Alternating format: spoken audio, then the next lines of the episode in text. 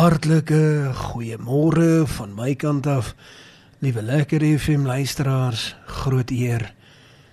En soos ek altyd sê, 'n baie baie groot voorreg om dan nou ook vandag in hierdie oggenduur met jou te gesels rondom die sake van die Here. Daar is nie 'n groter eer en 'n groter voorreg wat my persoonlik te beurt val nie om met jou te praat oor ewigheidssake. Jy weet dit wat ons uit die aard van die saak in hierdie maksimum 100 jaar op aarde doen, tel vir 'n ewigheid. En ek sal sê as dit tel vir 'n ewigheid is dit nogal baie belangrik om erns met dit te meen. Dit is hoekom jy my baie maal sal hoor dat ek sal sê saam met Joshua wil ek sê Here ek en my gesin ons sal vir u loof en prys totdat ons nie meer asem oor het nie. En weet jy wat liewe lekker FM luisteraars baie maal gebeur het dat dat jy regtig baie ver van die Here af voel. Baie maal gebeur dit dat jy dink dat daar is absoluut niks wat jou eintlik vandag of hierdie laaste week dalk miskien al hierdie laaste maand verbind aan die koning van alle konings nie. Ek wil vir jou sê dit is dan juis wanneer jy die naaste aan die Here is en dit is dan juis wat ek glo dat die Here jou werklik vashou. En miskien is dit vandag 'n goeie geleentheid om dit baie stadig en mooi te verstaan en dit werklik vir jouself te vat op hierdie donderdagoggend om te sê Here al voel dit vir my asof u ver van my af is.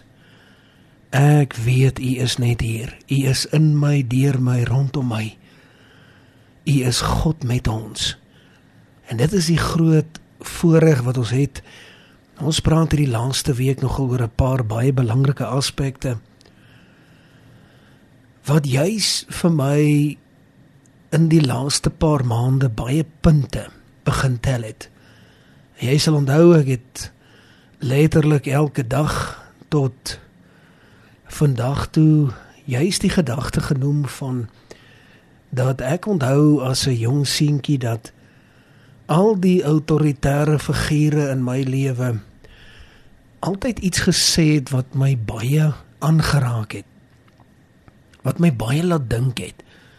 En dit is van watter stofasie is jy gemaak? En dit is my vraag vir jou, baie eenvoudig. Elementêr, baie baie maklik. Van watter stofasie is jy gemaak?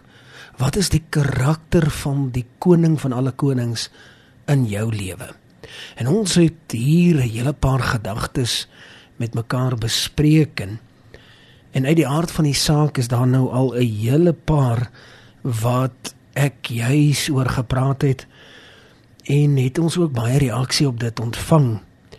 En wil ek nou graag vandag oor die laaste 4 gesels en dan wil ek graag môreoggend gebruik as die afsluiting van die week net 'n oorsig oor hulle almal te gee.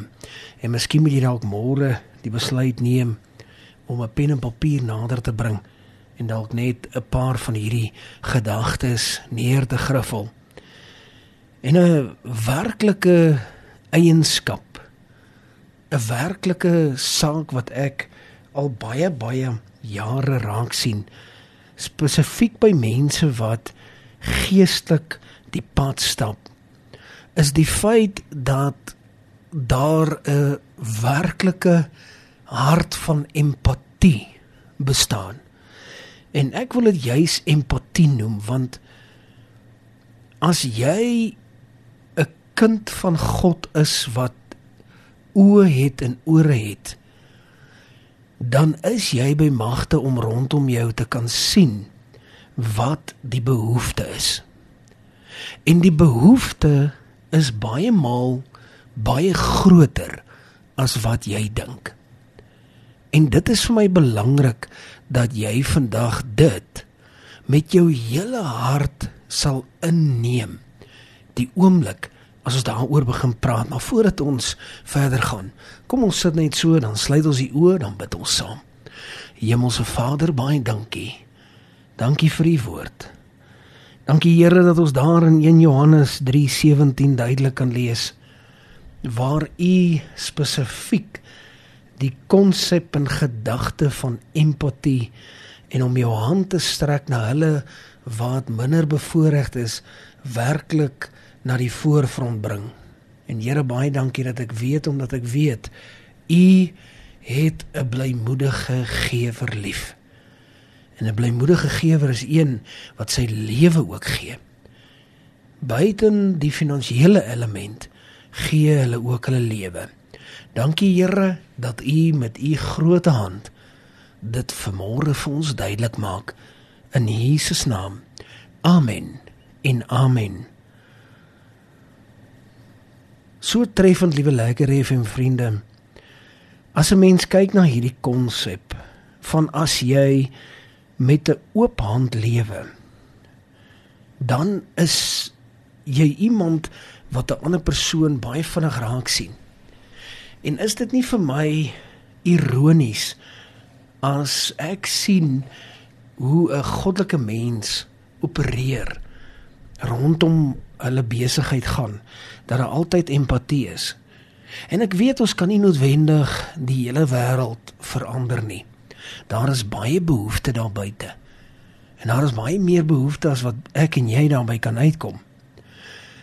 Maar die heel belangrikste en ek en ek wil dit baie eenvoudig maak is om die persoon wat reg voor jou staan eerste te help. Jy weet baie maal wil ek dit vergelyk en en as jy my nou al 'n rukkie lank ken dan weet jy ek hou daarvan op 'n op 'n strydveld as 'n mens nou die Engels gebruik 'n battlefield. Ons kyk mos baie van hierdie films waar die manne so teen mekaar met die swaarde kom. Jy is bekommerd oor die 10de persoon of die 20ste persoon deur agter nie. Jy is net bekommerd oor die een wat voor jou is. Dis jou eerste prioriteit. En ek weet baie maal dink jy maar hoorie ek is regtig net absoluut ou muggie. Ek is maar 'n akedussie teen 'n olifant. Wat gaan ek die verskil maak? Jy gaan 'n verskil maak want die Here sal sien wat jy doen. Die een wat reg voor jou is. En ek weet baie maal is dit dat die mense ons baie keer teleurstel. Dis een van die grootste maniere wat ons sielsvyand ons gebruik om nie te beweeg nie. Want ons is nou al soveel keer gebrand. En omdat jy gebrand is, dan voel jy man, weet jy, as ek myself tog nou weer moet verbrand, dan is dit nou my eie skuld en dan wil ons dikwels nie verder gaan nie. Was net daar wat ons maar moet besluit dat ons juis verder moet gaan. Dit is vir my baie baie belangrik. En dan vloei hy so mooi deur in die konsep van genade. Genade daar in Jakobus 2:13 is dit vir my so treffend dat daardie daardie mooiheid, daardie sagtheid wat jy bewys aan ander mense, daardie genade spasie wat jy toelaat, is iets wat besonder is vir ander mense. En die oomblik wanneer jy dit gaan verstaan, dan gaan jy ook sien dat dit 'n reuse verskil maak in jou lewe. Want die oomblik wanneer jy genade ruimte gee vir ander mense, dan gee hulle dan ook in ruil weer vir jou genade ruimte. En mag dit iets wees wat jy regtig in jou hart baie baie deeglik en mooi verstaan vanmôre kom ons skenk genade. Want hoeveel genade jy skenk, is die hoeveelheid genade wat jy terug ontvang. En dan het ek hier 'n gedagte en dit sien ek altyd is by goddelike manne en vroue nogal baie aanwesig.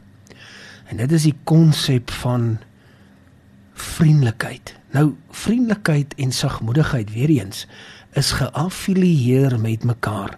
Jy kan dit gaan lees daar in Spreuke 16:24. Nog baie treffend as 'n mens dit lees dat vriendelikheid is soos 'n soet heuningkoek. Vriendelike woorde is soos 'n 'n stroop soet heuningkoek vir 'n man en 'n vrou wat honger is. En dit is genesing vir die gebeente.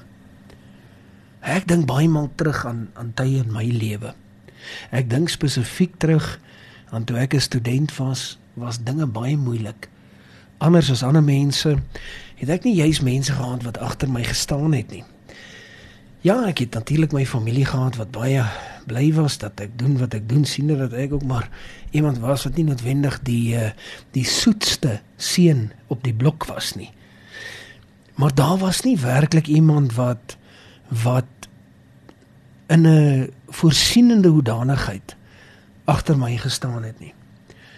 En ek het 'n vreeslike moeilike tyd gehad en die Here kom skenk aan my 'n vriend wat toe ingekom het as eerste jaar toe ek tweede jaar was.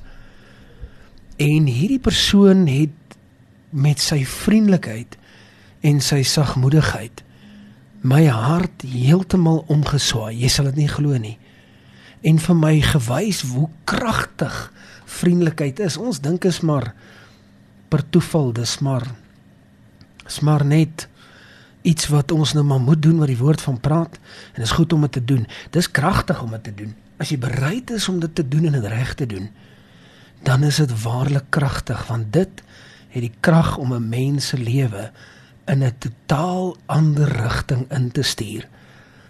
En dan laastens, as jy nou al hierdie verskillende karakter stoffasie bymekaar sit, dan sal jy sien dat daar spontaan integriteit net ontstaan in iemand se lewe. En integriteit is nogal iets gaan lees dit daar in Spreuke 11:3. Dit is nogal indrukwekkend. Mense met integriteit is 'n wonderlike ding. En miskien dalk net as jy op 'n punt waar jy sê, weet jy, ek's nog nie daar nie.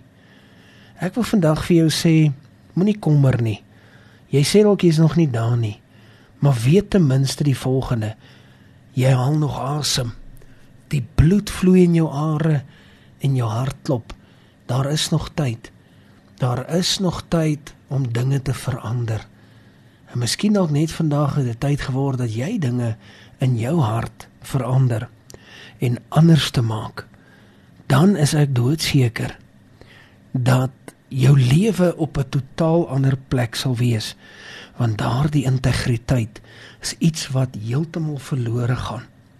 Ons het so 'n moderne wêreld geword met soveel wêreldsheid en so 'n tekort aan goddelike Bybelse woordgefundeerde beginsels dat dit eintlik skokkend is. En ek wil jou aanmoedig, maak 'n besluit vandag. Sê vir jouself dat jy gaan vandag begin ongeag jy wil nie môre begin of oormôre nie jy gaan vandag begin om hierdie saak aan te spreek. En mag die Here dan daardeur vir jou nogal baie beteken. En net tot sover môre gaan ons lekker saam praat. Kom ons sit net so dan sluit ons die ore en bid ons saam Hemelse Vader U is heilig Heilig, heilig, die lam geslag vir ons. Jesus Christus van Nasaret, koning bovenal, komende koning en die een wat ook dan uiteindelik vir ons die redding gebring het wat met sy eie bloed betaal het. Here ons eer U dat U met U eie bloed vir ons betaal het. U bloed wat vir ons verseël en vir ons behoed en bewaar en wat ook vir ons die nodige genesing bring. Miskien dalk net is daar mense wat vanmôre luister wat 'n aanraking nodig het. Here, dankie dat U dit gee. Dankie dat U voorsien. Here, ons dankie vir hierdie woord. Dankie ook Here dat U deure oopmaak waar deure toe is en dat U selfs vensters oopmaak. En dat U wat die bron is, nog altyd daar was. Dit Here bid ons in die kosbare naam van Jesus Christus alleen. En ons sê amen en amen.